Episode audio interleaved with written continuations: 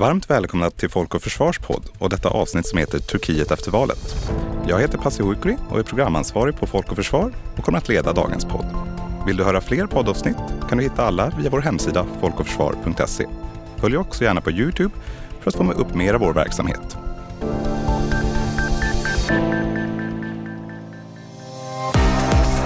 Du lyssnar på Folk och Försvar-podden. Folk och Försvar bidrar till att Sveriges säkerhet ska vara hela folkets angelägenhet. I dagens avsnitt ska vi blicka mot Turkiet som nyligen haft sin andra valomgång i presidentvalet.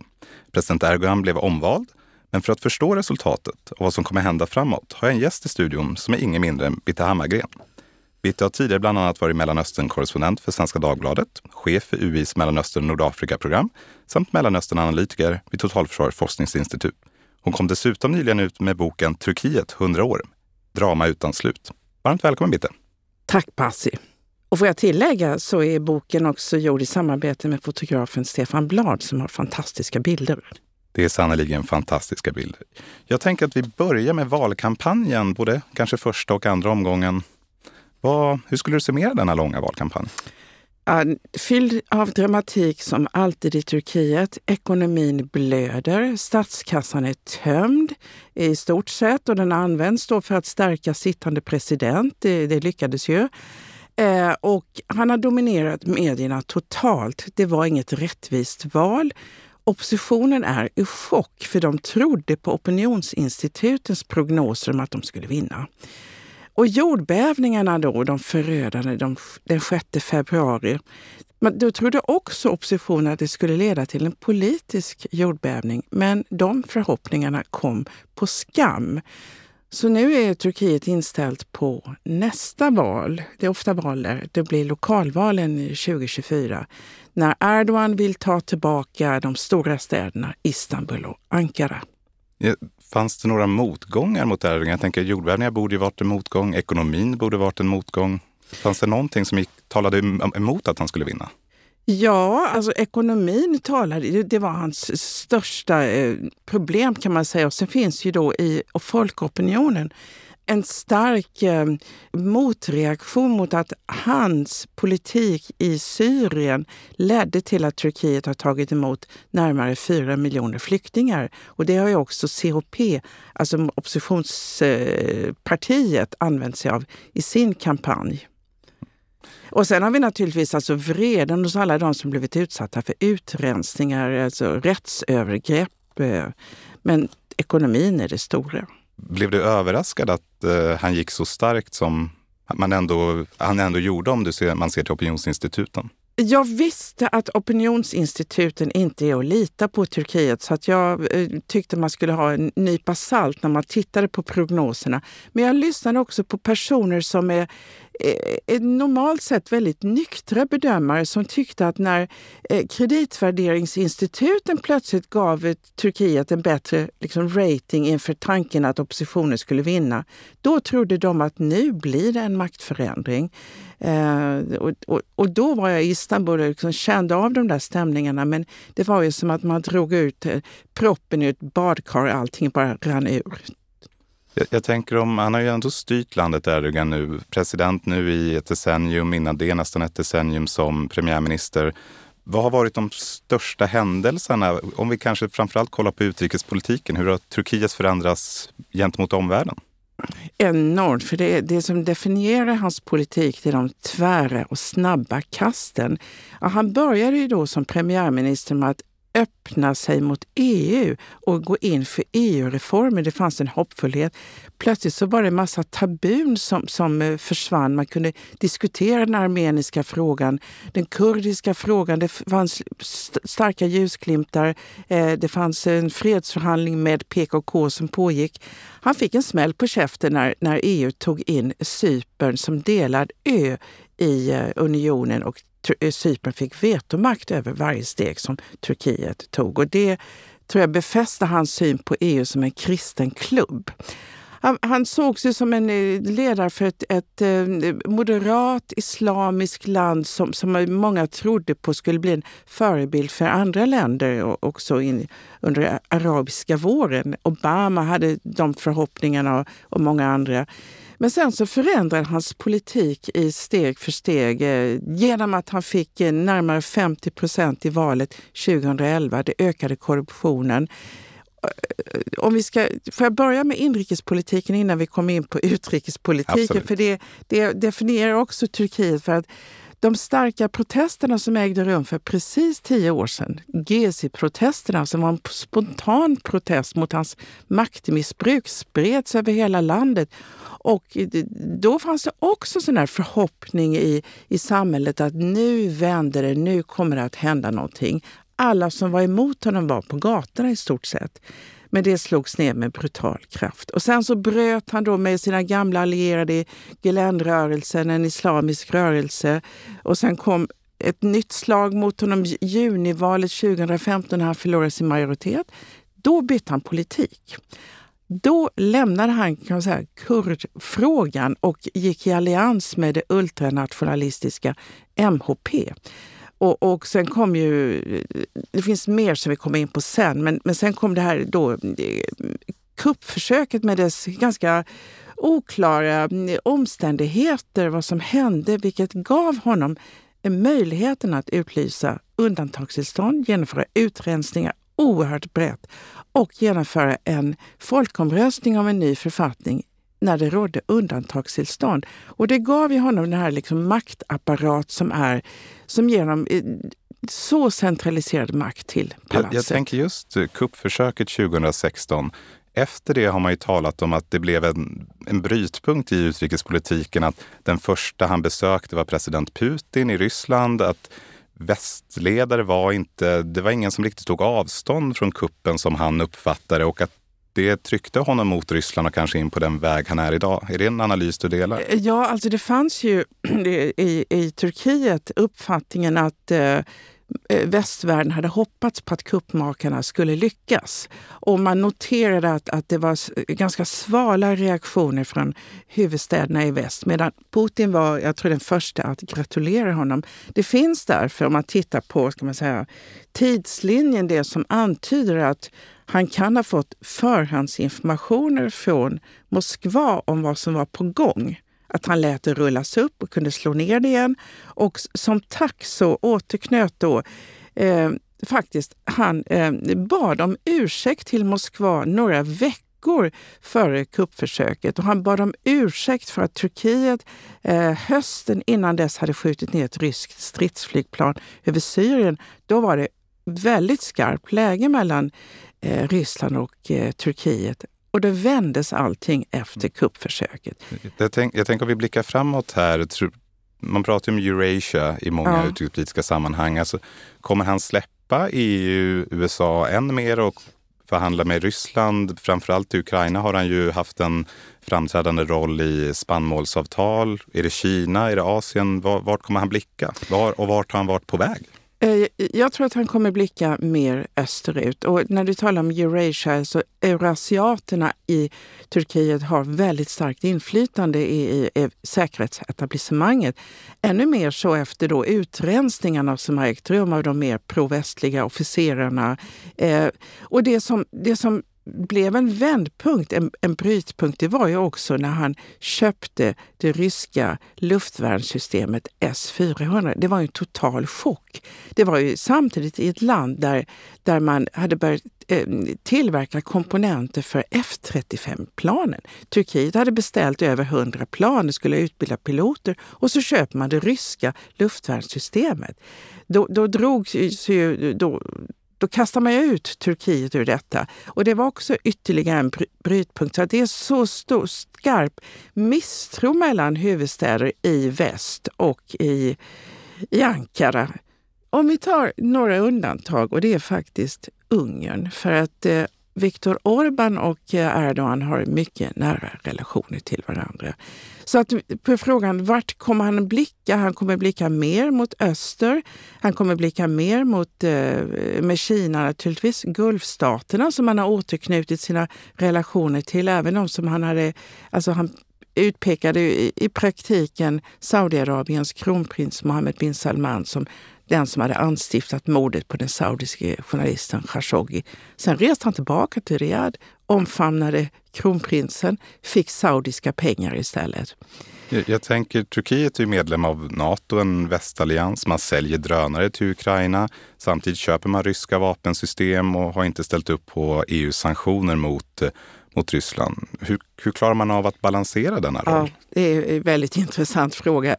Det är ett exempel på att Turkiet vill ha handlingsutrymme. Men det är också ett exempel på att de ligger som låset till Svarta havet. De har gamla historiska band till Ukraina, genom krimtatarerna inte minst. Men eh, Ryssland ligger ju också där det ligger och de är beroende av Ryssland. Man kan säga att länderna blivit ömsesidigt beroende av varandra. Eh, de får gas från Ryssland. Ryssland gav Erdogan anstånd på att betala gasnotan nu för att stärka honom inför valet. Ryssland har byggt deras första kärnkraftverk. Det är eh, starka kan man säga, ryska...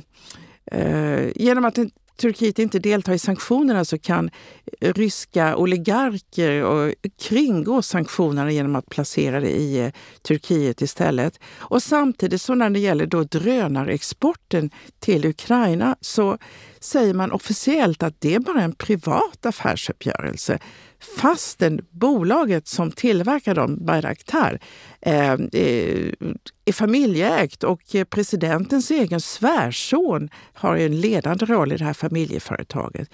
Men Turkiet vill ju ha den här medlarrollen, den centrala rollen, kontrollera infarten, eh, inloppet till Svarta havet, vara medlare som när det gäller spannmålsfrågan, eh, fördömer inte eh, Ryssland, vill ha, liksom spela på båda planhalvorna. Det här är ett exempel på det Turkiet vi ser framför oss. De, det, det är en löshäst i Nato. Jag tänker det är, det är ganska vanligt att höra vi förstår inte X om Ryssland eller Y om Kina. Skulle du säga att det finns några sådana exempel med Turkiet? Är det någonting vi svenskar inte begriper om Turkiet eller turkar eller tolkar fel enligt dig? Ja, jag tror inte att vi riktigt förstår eh, historierevisionismen som finns hos både Erdogan, ungefär som det finns hos Putin också. Och vi förstår inte heller det jag kallar för fantomkänslan, för det här Landet är ju en arvtagare till en stormakt, Osmanska riket, som behärskade enorma territorier under sin storhetstid. Eh, den känslan av att Turkiet är en sårad stormakt som förtjänar en starkare ställning i världspolitiken, den tror jag inte vi förstår, men det spelar enormt stor roll. Som i valet. Erdogan spelar på detta också. Så det är det här stormaktssyndromet. Sen tror jag inte heller att vi förstår riktigt konservatismen som finns i inlandet. Som det här med att i valet nu så röstade en majoritet i de jordbävningsdrabbade provinserna för sittande president och hans allians i parlamentet. Medan oppositionen hade nog trott att här skulle de kunna hämta hem röster i och med att eh, eh så mycket av dödsoffren, katastrofen byggde på eh, byggfusk, korruption. Men eh, människor eh, där lyssnade på det här fatalistiska budskapet att det är ödet och ödet kan man inte eh, kringgå. De som lever i containrar som är överlevare, de lyssnar också på presidenten när han säger att han ska återuppbygga husen. Och vi kanske inte förstår hur det är att leva i en container när sommarhettan närmar sig och då kanske man hellre tänker på att man ska bygga i ett nybyggt snabbbyggt höghus med lika dåliga byggnormer som tidigare. Det är sånt. Får jag bara säga en sak till när det gäller eh, frågan som, som vi inte förstår. Det är ju att eh, den kurdiska rörelsen inte är en enhet, att det finns så många olika grenar i den. Jag, jag tänker just kurderna, du talade lite om det tidigare. Hur, hur ser det ut Hur ser möjligheterna ut för att få till fredsavtal eller att trappa ner konflikten? Det är, alltså, det är så mycket svårare sedan Erdogan gick i allians då med de ultranationalistiska MHP. Eh, för tidigare så hade han ju liksom starka öppningar och gav hoppfullhet. Eh, och, och de låsningar som Turkiet nu har i den frågan, som ju också har att göra med att man blockerar Sveriges medlemskap i Nato, de är svåra att lösa upp under det rådande majoritetsläget som finns i Turkiet. Men det här är en etnisk konflikt som bottnar i årtionden av förnekelse av kurdernas existens. Den måste få en politisk lösning. Det går inte, det visar ju årtionden, att, att kämpa ner PKK militärt. De har en, det är en realitet som har en, en, en folklig bas. Absolut inte hos alla kurder, men hos många. Jag tänker, du gjorde några liknelser mellan Ryssland och Turkiet. Även om Turkiet verkar ju spela den här mittenrollen betydligt bättre än, än Ryssland har lyckats med eller ens önskat. Är deras medlemskap i Nato för att de tror att de behöver ett kollektivt försvar och är redo att försvara andra och ser ett hot mot sig själva? Eller är det för att ha en fot i väst, att det är det de har kvar egentligen? Det är intressant att se hur det gick till när de gick med i Nato. För det var i, i, eh, i, slutet av andra världskriget så kände de sig hotade av Stalin som ville få kontroll över Bosporen, Dardanellerna, inloppet till Svarta havet. Fundamentalt för liksom, storryska intressen och del provinser i östra Turkiet. Och då fick de bevisa sin ska säga, NATO-duglighet genom att skicka trupp till Korea. Och sen har ju Turkiet, alltså, det får man ju se, de har ju deltagit så mycket i utländska operationer i Afghanistan, på Balkan och så vidare. Eh, och haft en central roll där. Men just nu så, så är det jag, ett, ett skifte, en, en balansering i turkisk säkerhetspolitik eh, mot en eh, då, påfallande mer antivästlig och antiliberal attityd där det euroasiatiska eh, säkerhetsetablissemanget har starkt inflytande. Eh, så att jag, jag tänker på när Macron tidigare talade om Nato som hjärndött när han menade liksom att vi måste tänka på att USA kanske inte för, kommer försvara Europa. Så, så har vi en ny dimension nu. Vad kommer hända med Nato om Turkiet fortsätter att blockera Sveriges medlemskap för toppmötet i, i Vilnius? Det, det, blir också en, en, en, eh, en chock för Nato. Jag tänker innan vi går in på NATO-processen lite Någonting jag har hört och tänkt lite på det är om, om man skulle få till ett fredsavtal mellan Ryssland och Ukraina på Ukrainas villkor. Eh, det kan handla om att de får gå med i EU men stanna utanför Nato och så, men att de båda kommer överens. Och Ryssland säger att Turkiet måste blocka Sverige. Det är vårt sista krav. Sverige släpps inte in i Nato, Finland är redan, redan med. Ser du en sån situation som en realitet och hur, jag tänker, hur skulle Sverige reagera på att vi kan få slut på kriget men vi kommer stå utanför Nato? Ja, alltså det, det, är så fruktansvärt många olika säkerhetspolitiska variabler. Helst vill jag inte spekulera i, i de banorna för att då kan man låsa in sig i ett hörn. Jag tycker att man bör liksom hålla fast inför Vilnius vid de vid det stora som händer i Europa, att det, detta är det värsta anfallskriget sedan andra världskriget eh, och att Turkiet inte får spela rollen av the spoiler i, i den frågan. Ehm, men jag tänker också på vad en eh, hög tjänsteman inom Nato sa i ett samtal på SVT Agenda där jag var med. Det var en bandad intervju med henne, Staffanie Babs. Hon sa att om, om Turkiet liksom fortsätter använda sig av utpressningspolitik eh, gentemot Sverige så måste Nato tänka utanför boxen, utanför lådan. Och det tror jag också måste ske om Turkiet fortsätter att blockera Turkiet har ju fått en ny utrikesminister efter att Erdogan vann valet. Han har varit 13 år i den turkiska säkerhetstjänsten som chef där. Hur, eh, hur ser du att det här påverkar den svenska NATO-processen och kanske turkisk utrikespolitik framöver? Jag tror att eh, Erdogan har uppfattat att den förre utrikesministern Cavusoglu, att hans liksom, ansikte har blivit lite för utslitet så att han behövde ett nytt ansikte. Och Hakan Fidan är en av hans absolut närmaste förtrogna som spionchef. Han har lett samtal med PKK på sin tid. Han har också lett samtal med Assad-regimen när, när man nu diskuterar normalisering mellan Turkiet och eh, Sverige. Jag tror att det som händer nu är att eh, Turkiet får en utrikesminister som står ännu närmare presidenten som eh, än tidigare. Eh, på gott och ont kan man säga, för att han har nog mer presidentens öra. Jag tror att Cavusoglu kanske var mer, mer benägen att liksom göra som palatset säger medan Hakan Fidan med, med den erfarenhet han besitter som gammal spionchef kanske kan driva egna frågor, men de kommer göra det i, i tandem. Och eh, det vi ser nu, i det, vad vi ser från det första samtalet mellan eh, Billström och Hakan Fidan, är ju att eh, Turkiet vill försöka vrida om armen på Sverige ytterligare, pressa ut mer. Det Sverige har gjort hittills, det räcker inte enligt Turkiets retorik. Jag tänker just turkisk utrikespolitik framåt. I och med att Erdogan vann valet och sitter säker några år till, Tror du att han kommer att ändra någonting kopplat till kurderna och göra nya försök där med ny utrikesminister eller mot, gentemot Ryssland? Kan han byta linje nu när han vet att han har några år på sig att faktiskt genomdriva ny politik? Alltså gentemot Ryssland kan han inte det så länge han har, har detta beroendet av, av Ryssland. Han, han behöver, eh, Turkiet är fortfarande energifattigt. Eh, de behöver den ryska gasen. Eh, de behöver också Ryssland i Syrien, skulle jag säga. Eh, I kurdfrågan, så, eftersom han är en pragmatiker i, i grunden, beredd att göra massa snabba utsvängar, så skulle han kunna göra det i kurdfrågan.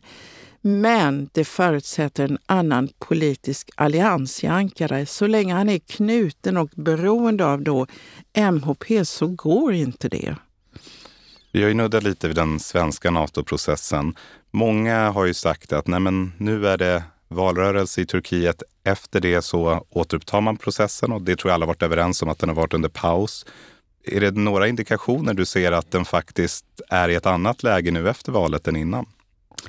Nej, jag tycker nog att det är more of the same faktiskt. Eh, och sen ser vi nu Stoltenberg som besökte Ankara och som eh, kommer med budskapet att nu ska det vara ett nytt möte i det här trilaterala formatet Sverige, Finland, Turkiet. Och då kan man undra varför varför det formatet nu när Finland redan är medlem? Skulle det vara ett nytt format kunde man tänka sig att det skulle vara som The German Marshall Fund, USA, Sverige, Turkiet i så fall. För nu tror jag att de stora eh, huvudstäderna i, eh, i Nato måste lägga ökat tryck på Turkiet. Innan vi inledde den här processen mot Nato så alla var väldigt positiva. Jens Stoltenberg sa att det kunde gå rekordsnabbt.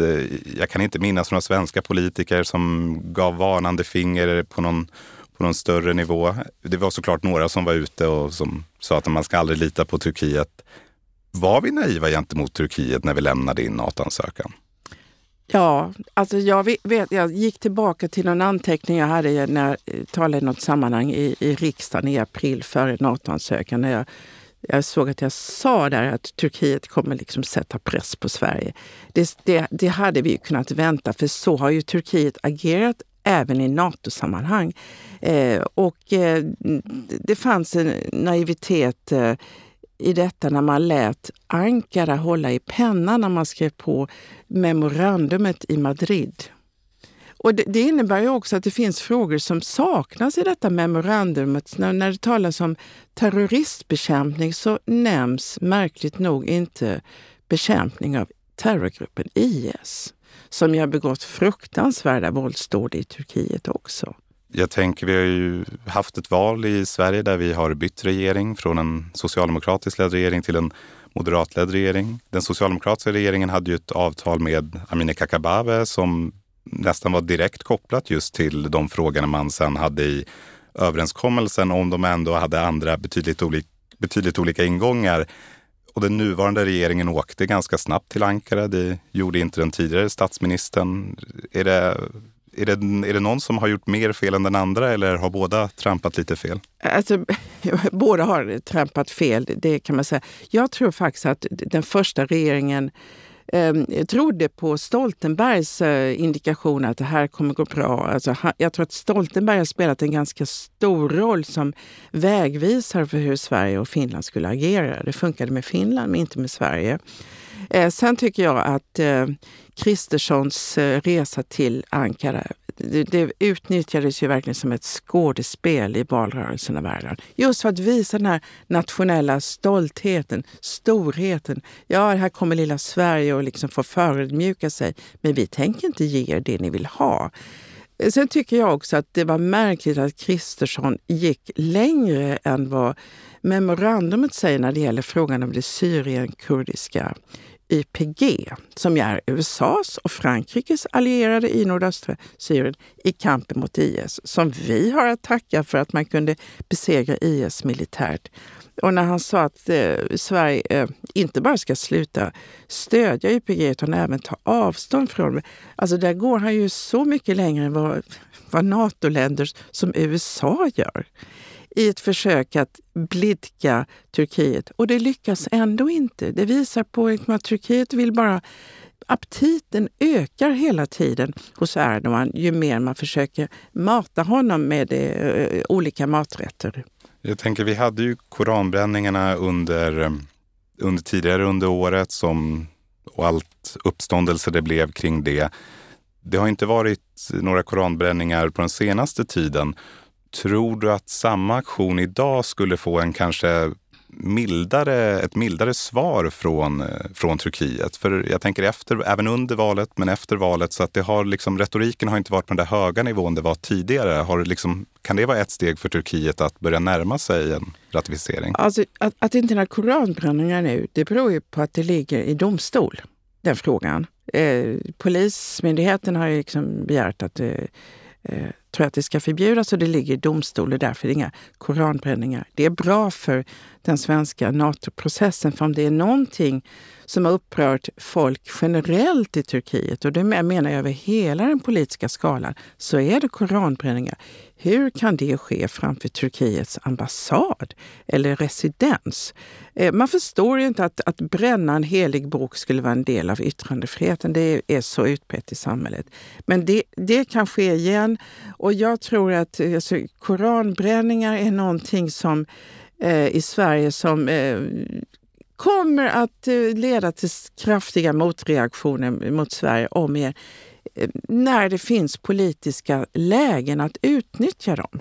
Och jag tror också att koranbrännare förstår också vilka politiska lägen det gäller att liksom tända eld på boken och politiken. Jag tänker om vi blickar framåt och ponerar att Sverige blir ratificerade någon gång under det här året. Hur kommer relationen se ut mellan Sverige och Turkiet efter det och mellan Nato och Turkiet? Kommer man kunna återhämta sig från det här eller kommer det här alltid finnas kvar där i minnet av hur lång tid processen tog i ett så allvarligt läge? Ja, minnet kommer nog finnas kvar. Alltså, jag uppfattar ju Erdogan som ganska långsint. Eh, och han har ju suttit så länge. Men å andra sidan så har ju Sverige och Turkiet haft så gamla goda relationer. Om vi tittar på EU-processen så har ju Sverige eh, fram tills SD kom med i, i riksdagen haft en, en sorts eh, väldigt enhällig uppslutning om att Turkiet skulle få förhandla om, om medlemskap, till skillnad från en del andra europeiska länder. Eh, det kan man säga, det är en del av liksom, kanske svensk önskan att att eh, tunna ut integrationen i EU medan de länder som vill ha starkare integration eh, är tyd mer tydligt mot turkisk medlemskap. Men jag tror att det går att återknyta relationer men det finns så många liksom steg på vägen och jag tror också att eh, Kurdfrågan är en kugge i detta i och med att det finns så många kurder som är så väletablerade i svensk politik, en del av svensk samhällsliv. Eh, så att det, det kommer att eh, ligga kvar där länge till. Jag tänker att det var ingen olyckshändelse att den tidigare stats och utrikesministern Carl Bildt var regeringens representant. Nej, sen är det många som, som är förvånade över att man skickar någon som inte har en officiell position till Ankara. Men han är ju en av dem som känner president Erdogan och som känner flera av menar, de, de politiska ledarna. En, en sista fråga innan vi eh, avslutar för idag. Tror du att Sverige är medlemmar av Nato till Vilnius? Nej, tyvärr så tror jag inte det. Jag tror att skeptikerna oftast får rätt. Stort tack till dig Bitte för att du delar med dig av dina analyser kring valet och Turkiets framtid. Och tack för att du var med i podden. Tack för att jag fick komma hit. Och tack till alla er som eh, lyssnade på detta avsnitt av Folk och Försvar-podden. Vill du höra fler avsnitt eller ta del av seminarium och intervjuer hittar du det på folkochförsvar.se eller via vår Youtube-kanal. Detta avsnitt leddes av mig, Pasukri, programansvarig för säkerhetspolitik på Folk och Försvar. Stort tack för att ni har lyssnat.